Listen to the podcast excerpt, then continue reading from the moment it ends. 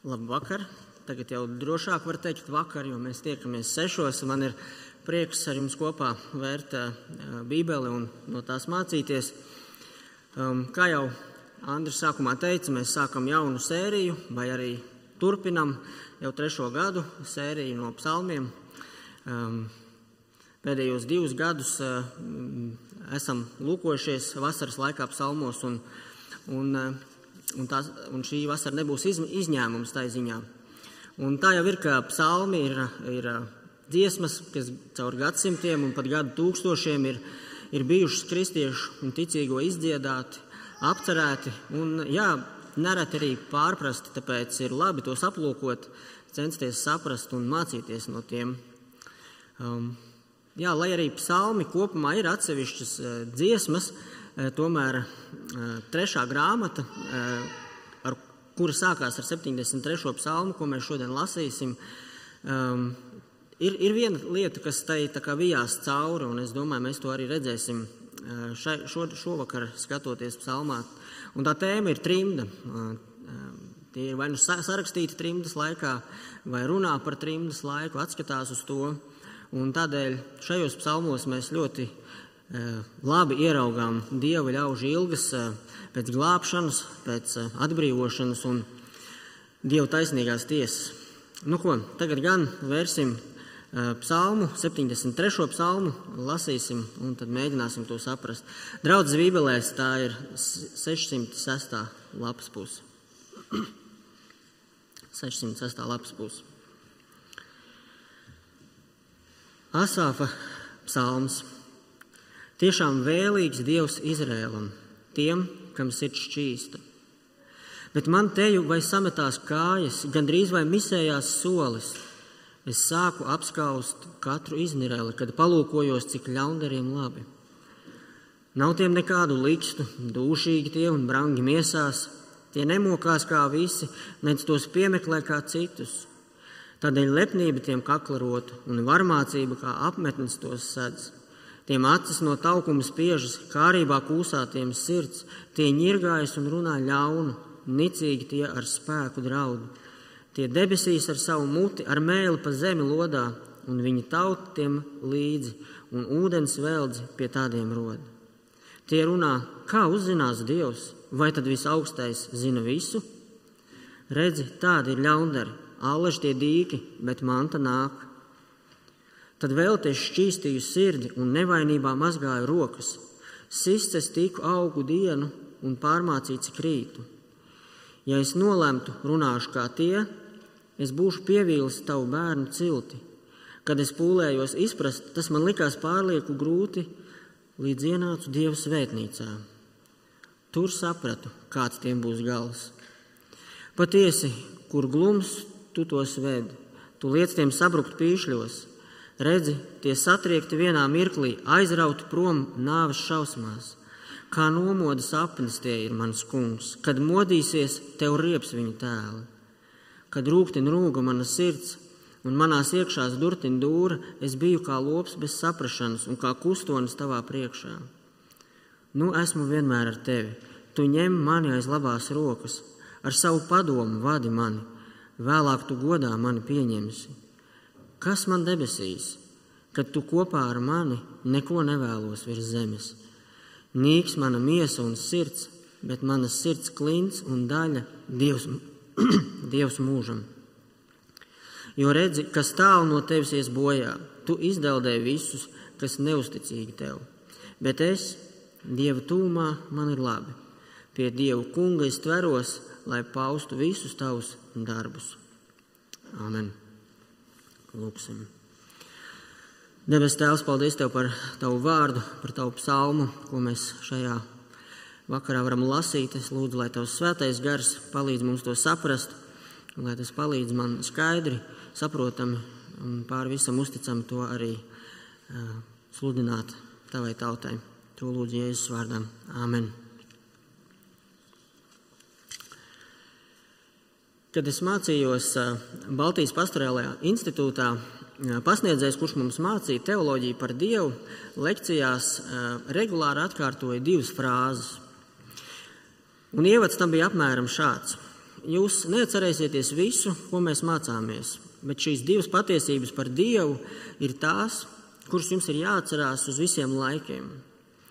Tas ir patiesības, kas vienmēr visās situācijās ir pareizā izejas un perspektīvas pozīcija jebkurā teoloģiskā jautājumā. Šīs divas frāzes bija Dievs ir labs un Dievs ir varens. God is good and God is great. Tie ir tādi divi pamatlikumi, kas nav apstrīdami un kas nav apgāžami.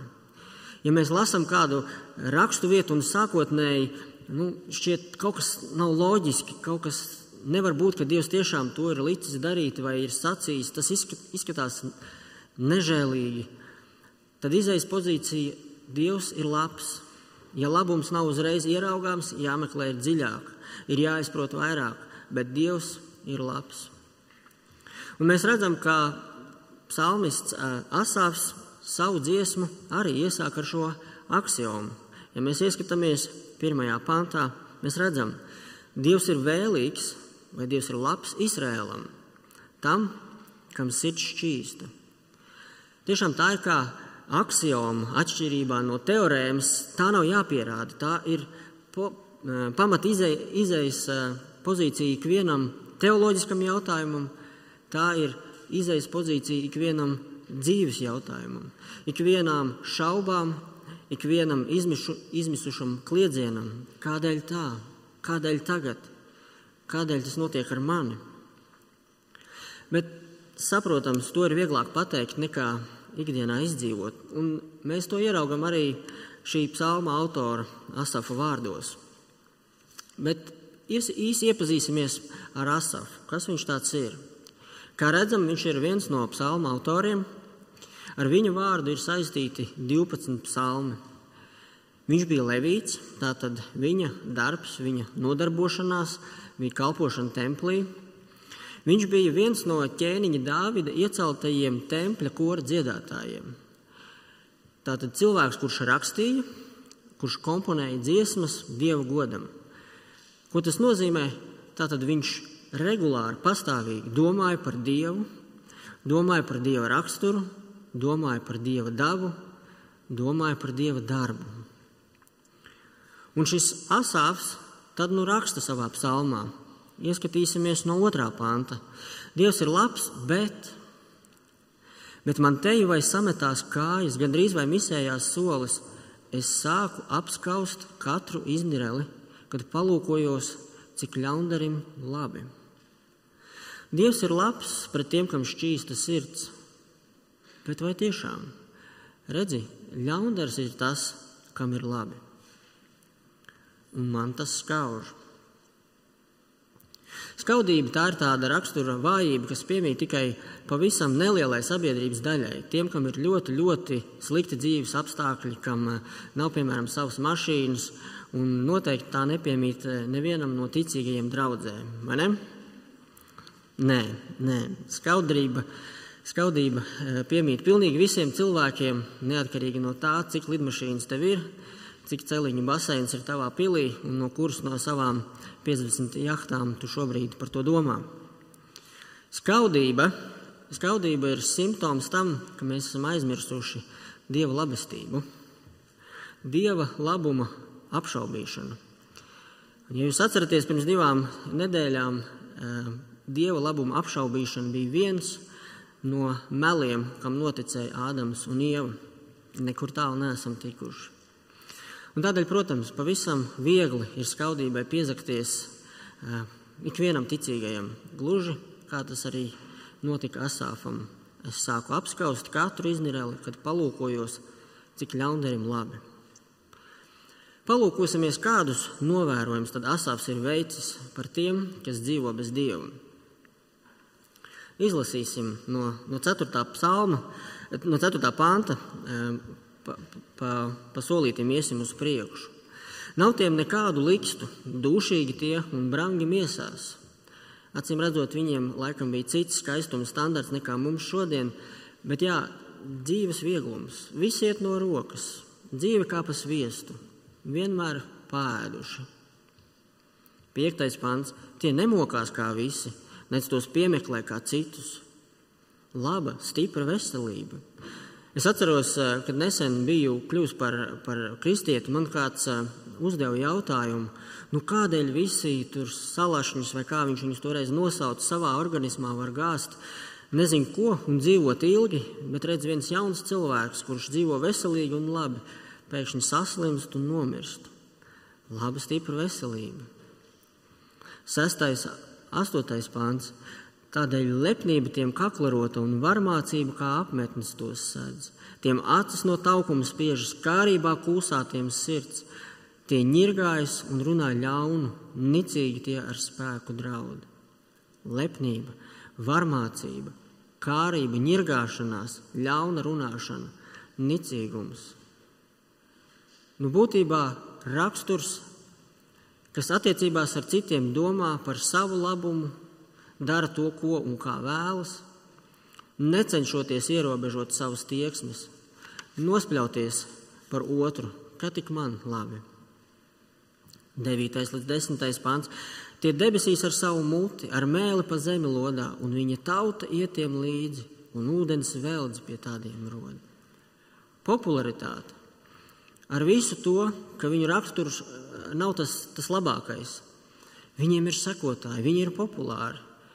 Nāk prātā skati no visbiežāk ASV prezidenta priekšvēlēšanu kampaņām, kur kāds no kandidātiem varbūt pasaka kaut kādu pavisam absurdu uh, apgalvojumu, un viss pūlis karodziņas vicinādam uzgavilē. 11. pāns. Tie runā, kā uzzinās Dievs, vai tad visaugstais visu zina?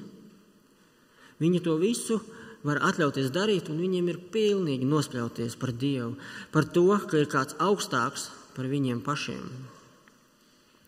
Visbeidzot, 12. pāns. Redzi, tāda ir ļaundara, allaž tie dīki, bet manta nāk. Arī bagātības. Viņiem nāk viegli un bez lielas piepūles. Cik tiem neticīgajiem viegla un laba dzīve. Nav jābūt tik godīgam. Darbā varētu savus kļūdas norakstīt uz citiem, Mums ir iestājies jūlijas, strādā, stājušās spēkā jaunās izmaiņas nodokļos, un pat ja nebūtu stājušās, varbūt tur, šur tur var šo to nedaudz tā un šitā, un tad šis tas nebūtu jāapliek ar nodokļiem. Ja sanāk darīšanas ar institūcijām kādām, vienoties par attiecīgu pateicību, varētu saņemt labāku lēmumu, vēlamo lēmumu, godīgumus. Sirdsapziņa ļautu mierīgāk paskatīties uz darba etiku un ražīgumu. Ja es nebūtu kristietis vai kristiete, man nedēļas nogalē būtu divas pilnīgi brīvas dienas. Man būtu par kādiem desmit procentiem vairāk līdzekļu mēnesī. Iedomājieties, ja vairāk kā viena papildus alga gadā. Ne? Nebūtu tā jākontrolē sava domu pasaule, kas tik ļoti slikti padodas kontrolēji. Kādi varbūt domā, es visticamāk nebūtu viens vai viena, man būtu otrā pusīte. Nemaz nerunājot par to, cik neizdevīgi un patiesībā bīstami ir būt kristietim, piemēram, Sīrijā, Ziemeļkorejā, Indijā un citās zemēs, kur tas var maksāt tavu vai tavu mīļoto cilvēku dzīvības. Kādēļ būt kristietim, ja var būt laimīgs tāpat? Vēl vairāk, kādēļ būt kristietim, ja tas ir daudz nērtāk, grūtāk, nepopulārāk un dažreiz pat bīstamāk nekā nebūt kristietim. Un Asafs, Asafs spriež līdzīgi. Ieskatieties 13. pāntā. Tad vēl te šķīstīja savu sirdi un nevainībā mazgāja rokas. Sistas tiku augu dienu un pārmācīts ik rītu. Man bērnībā bija tāda kartiņu spēle. Šad tad vēl ar puikām esmu to uzspēlējis. Un manā gadījumā, tur ir vairākas variācijas, manā gadījumā tur bija e, smagās sacīkšu mašīnas. Un e, katrai tam modelim bija apakšā dažādi parametri. Tur motora tilpums, cilindru skaits, zirga spēka, masa un tam līdzīgi. Un spēlē tātad katram ir puse no šīm kārtīm. Tu izvēlec augšējo un nosauc, kas tavuprāt tai mašīnai ir tas spēcīgākais. Ja tavs cipars ir lielāks, tad tu dabūni tavu pretspēlētāju kartiņu. Un tā tad spēle beidzās, ka tev ir visas kartiņas. Un iedomājieties šādu spēli uzspēlēt ar, ar šiem nosauktajiem dzīves parametriem. Ticīgajam ar neticīgo. Nu, ņemsim dzīves vieglumu. Piemēram, ticīgais Sīrijā. Viens, neticīgais astoņi, veselība četri, neticīgajam deviņi, popularitāte, ticīgajam Sīrijā viens, neticīgajam deviņi, desmit, bagātība, ticīgajam divi, neticīgajam astoņi. Sauc, ko gribi, spēle vienos vārtos. Kādēļ būt kristietim, ja tāpat var būt laimīgs? Bet tad mēs redzam nedaudz izmaiņas Asafa valodā, kad lasām no 15. panta. Šīs izmaiņas kulminē 17. Ieskatieties! Ja es, nolēmšu, ja es nolēmtu runāšu kā tie, es būtu pievīlis tavu bērnu cilti. Kad es pūlējos izprast, tas man likās pārlieku grūti. Un 17. pāns līdz es ienācu Dieva svētnīcā. Kas, kas notika Dieva svētnīcā? Bet pirms mēs uz, uz to lūkojam atbildēt, būtu svarīgi saprast, kas tad ir tā svētnīca. Svētnīca vecajā derībā visbiežāk tā bija eh, sajiešanas telts vai vēlāk templis, bet ne tik daudz pati um, ēka vai telts, bet viss, kas ar to saistīts. Proti, grēku, up, uh, upurēšana grēku izpirkšanai, rakstu mācīšana un skaidrošana, bet pāri visam dieva iemājošana savu ļaužu vidū, visvētākajā vietā. Svētnīca ir vieta, kurā dievs un cilvēks veidoja savas attiecības. Bet kas tad notika svētnīcā? Ko Asāfs tur ieraudzīja? Kādēļ tas likās? Kādēļ tas lika viņam mainīt savas domas? Un īsā atbilde būs uh, droši vien vilšanās. Mēs īsti nezinām. Iespējams, iespējams, viņš pat tur fiziski nemaz neiegāja, jo varbūt viņš jau bija aizsūtīts trimdā. Iespējams, viņš neiegāja, jo templis jau bija nopostīts. Nākošais, 74. psalms, runā par Jeruzalemes iekarošanu un tempļa izpostīšanu. Ielūkojieties Bībelē, turpat blakus lapā, 74. psalma 3. un 4. pāns. Asafa lūkšana steidzies uz bezgalīgajām drupām, svētnīcā visu sagrāvis naidnieks. Rēgdam ienāca pretinieki tavā svētvietā, savas zīmes tie lika tur par zīmi, un postīšana apraksts tur vēl turpinās. Varbūt viņš atminējās svētnīcu un domās tajās, tajā iegājumā. Bet neatkarīgi no tā, vai viņš iegāja fiziski vai atminējās, kas bija tas, ko viņš tur ieraudzīja sajūta, saklausīja, sasmaržoja. Varbūt viņš sasmaržoja visu, kas sasmaržojams, kaujot lopus, lejot asinis, de, dedzinot gaļu. Varbūt viņš sadzirdēja raksturuļu čaboņu, kad tie tika atvērti, lai tos lasītu un mācītu. Varbūt viņš ieraudzīja lielo, milzīgo priekškaru, kas nošķīra svētāko vietu, kurā atradās dieva derības šķirsts vieta, kur mājoja Dievs. Tur mājoja Dievs. Protams, mēs zinām, un arī Asāps to zināja, ka Dievs nemājo kaut kādā kastītē, bet tas ir simbols un atgādinājums. Dievs mājo pie saviem ļaudīm. Un varbūt viņš tomēr iegāja nopostītajā svētnīcā un redzēja to postažu un saprata, kas tāds nevar palikt Dieva noignorēts un atstāts novārtā. Jā, ļoti daudz varbūtību drīzāk spekulācijas, bet mums nepavisam nav jāspekulē par to, kādu rezultātu panāca svētnīcas apmeklējums. Asafa perspektīva tika mainīta. Savā ziņā tika atvērtas acis uz divām patiesībām. Patiesība par Dievu tiesu pasaulē un par Dieva klātbūtni ticīgajiem. Bija senos laikos tāda filma Atpakaļ nākotnē. E, Pats neesmu to redzējis, bet mums pietiks tikai ar nosaukumu. Nedaudz adaptējot to e, nosaukumu no šīs filmas, mēs varam teikt, ka Asāfs atcerējās nākotni. Viņš atcerējās Dieva apsolījumus, ko viņš bija solījis saviem ļaudīm. Ielūkosimies šajās divās patiesībās. Vispirms Asāfs runā par Dieva tiesu pasaulē. Izlasīsim no 17. panta otrās daļas. Svētnīcā tur sapratu, kāds tiem būs gals. Patiesi, kur glums tu, tu tos ved, tu liec tiem sabrukt pīšļos, Redzi, tie satriekti vienā mirklī, aizrauti prom nāves šausmās. Kā nomoda sapnis tie ir mans kungs, kad modīsies, tev rieps viņu tēli.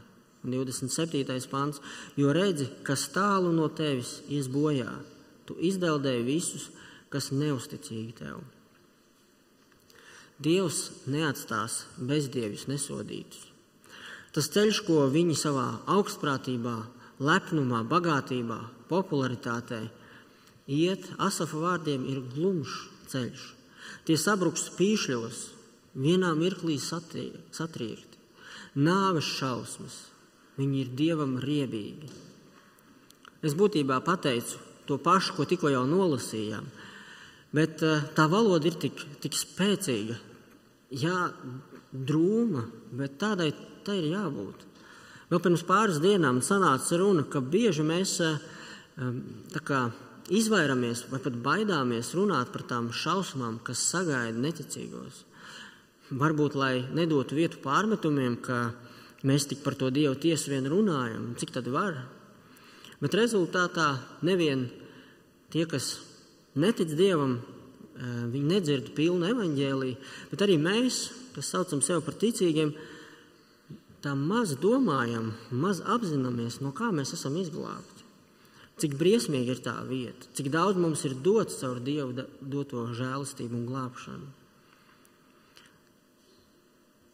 Tā ka mums pat tā vieta vai tā vēsts kļūst tāda parasta, ikdienišķa, aprasta, garlaicīga, neinteresanta un ar laiku varbūt pat nevērtīga.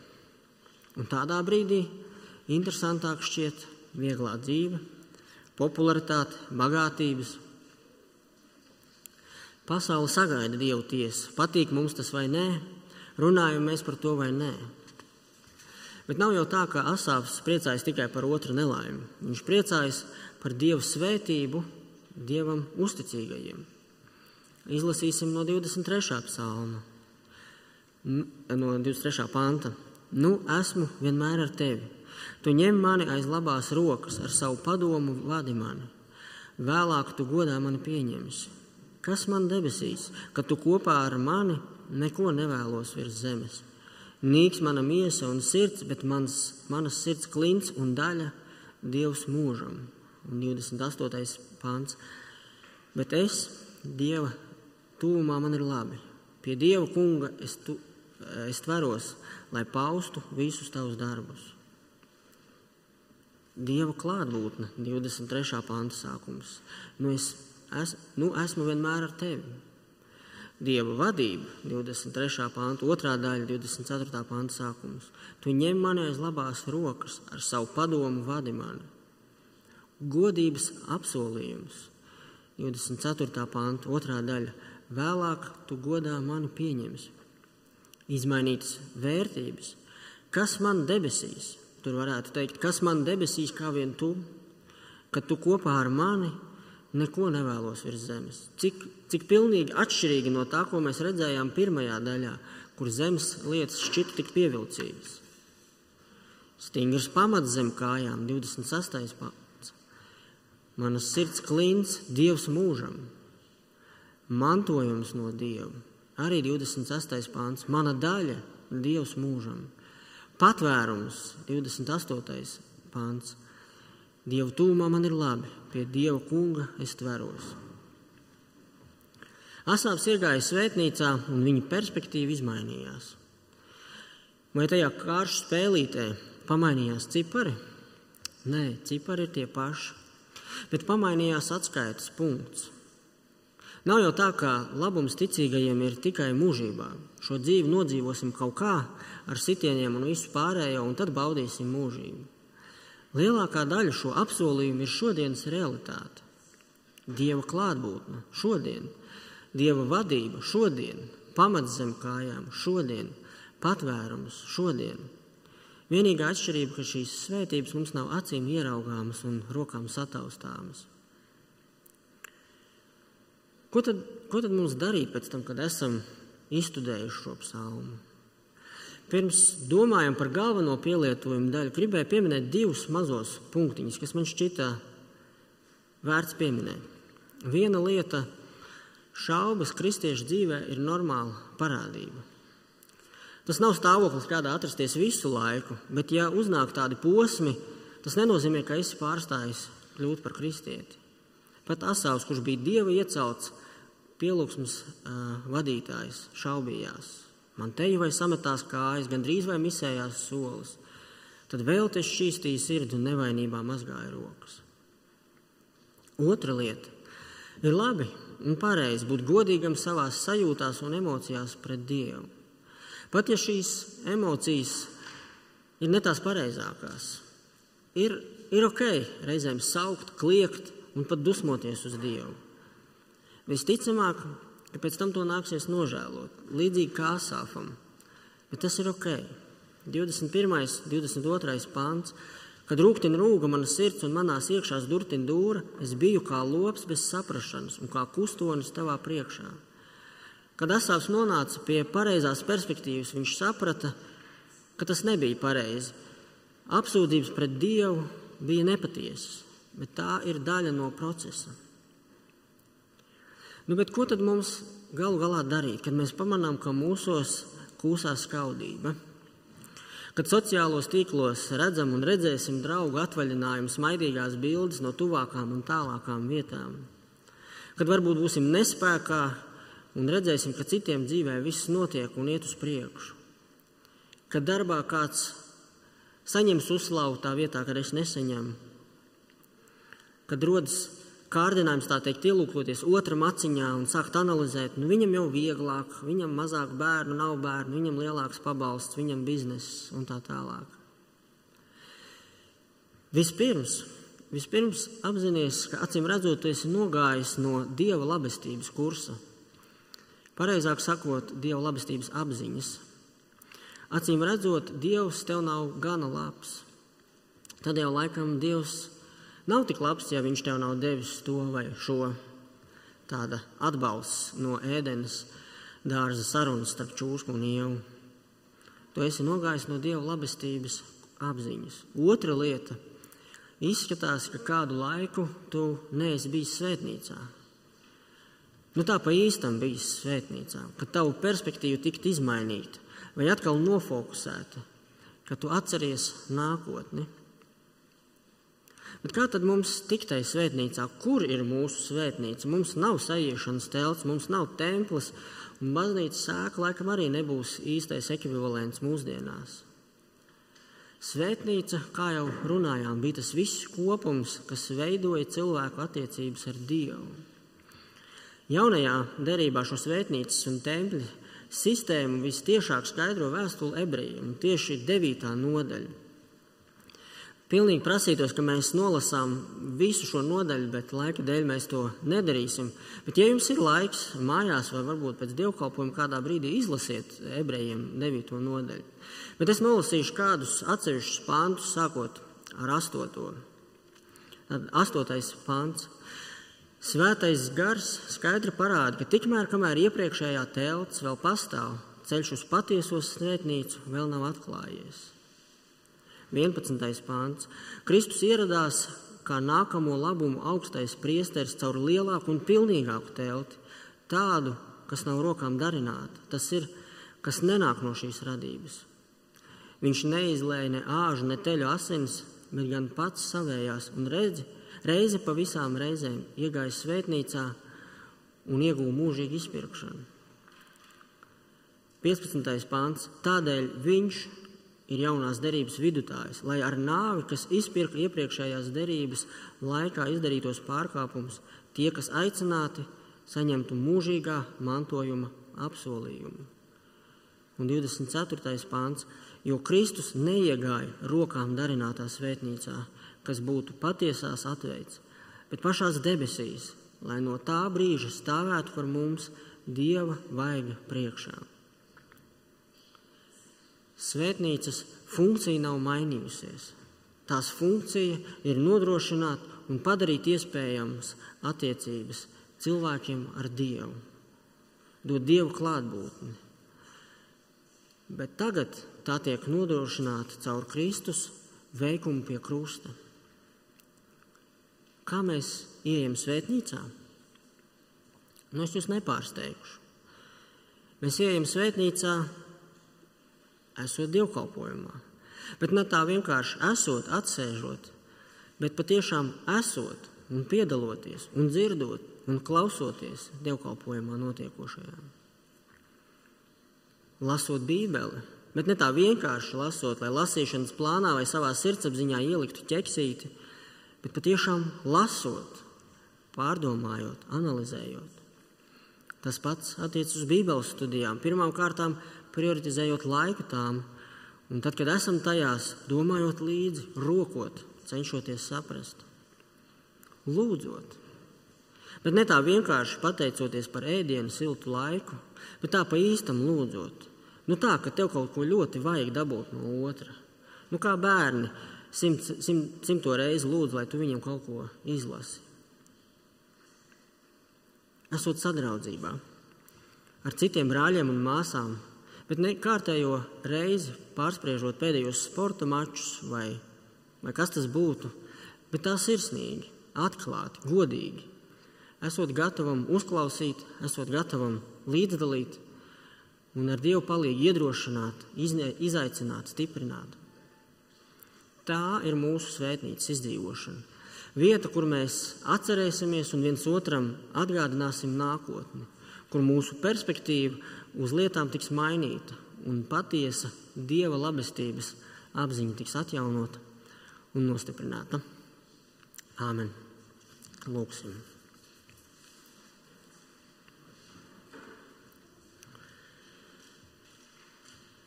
Tu esi labs, kungs. Patiešām tu esi labs. Tu esi labs vienmēr. Pat ja mums tā reizēm nešķiet, pat ja mēs to neredzam. Piedod, ka tik bieži mēs noejam no tavas labestības kursa, un mums sāk šķist, ka citur zāle ir zaļāka, citur ir labāka, un mums skauž. Palīdzi, kungs, atver mums acis, ieraudzīt, cik daudz tu mums esi devis. Un paldies par draugu, kur mēs visas šīs patiesības varam mācīties un atgādināt viens otram. Tu esi labs. Tu patiešām esi labs. Āmen. Āmen.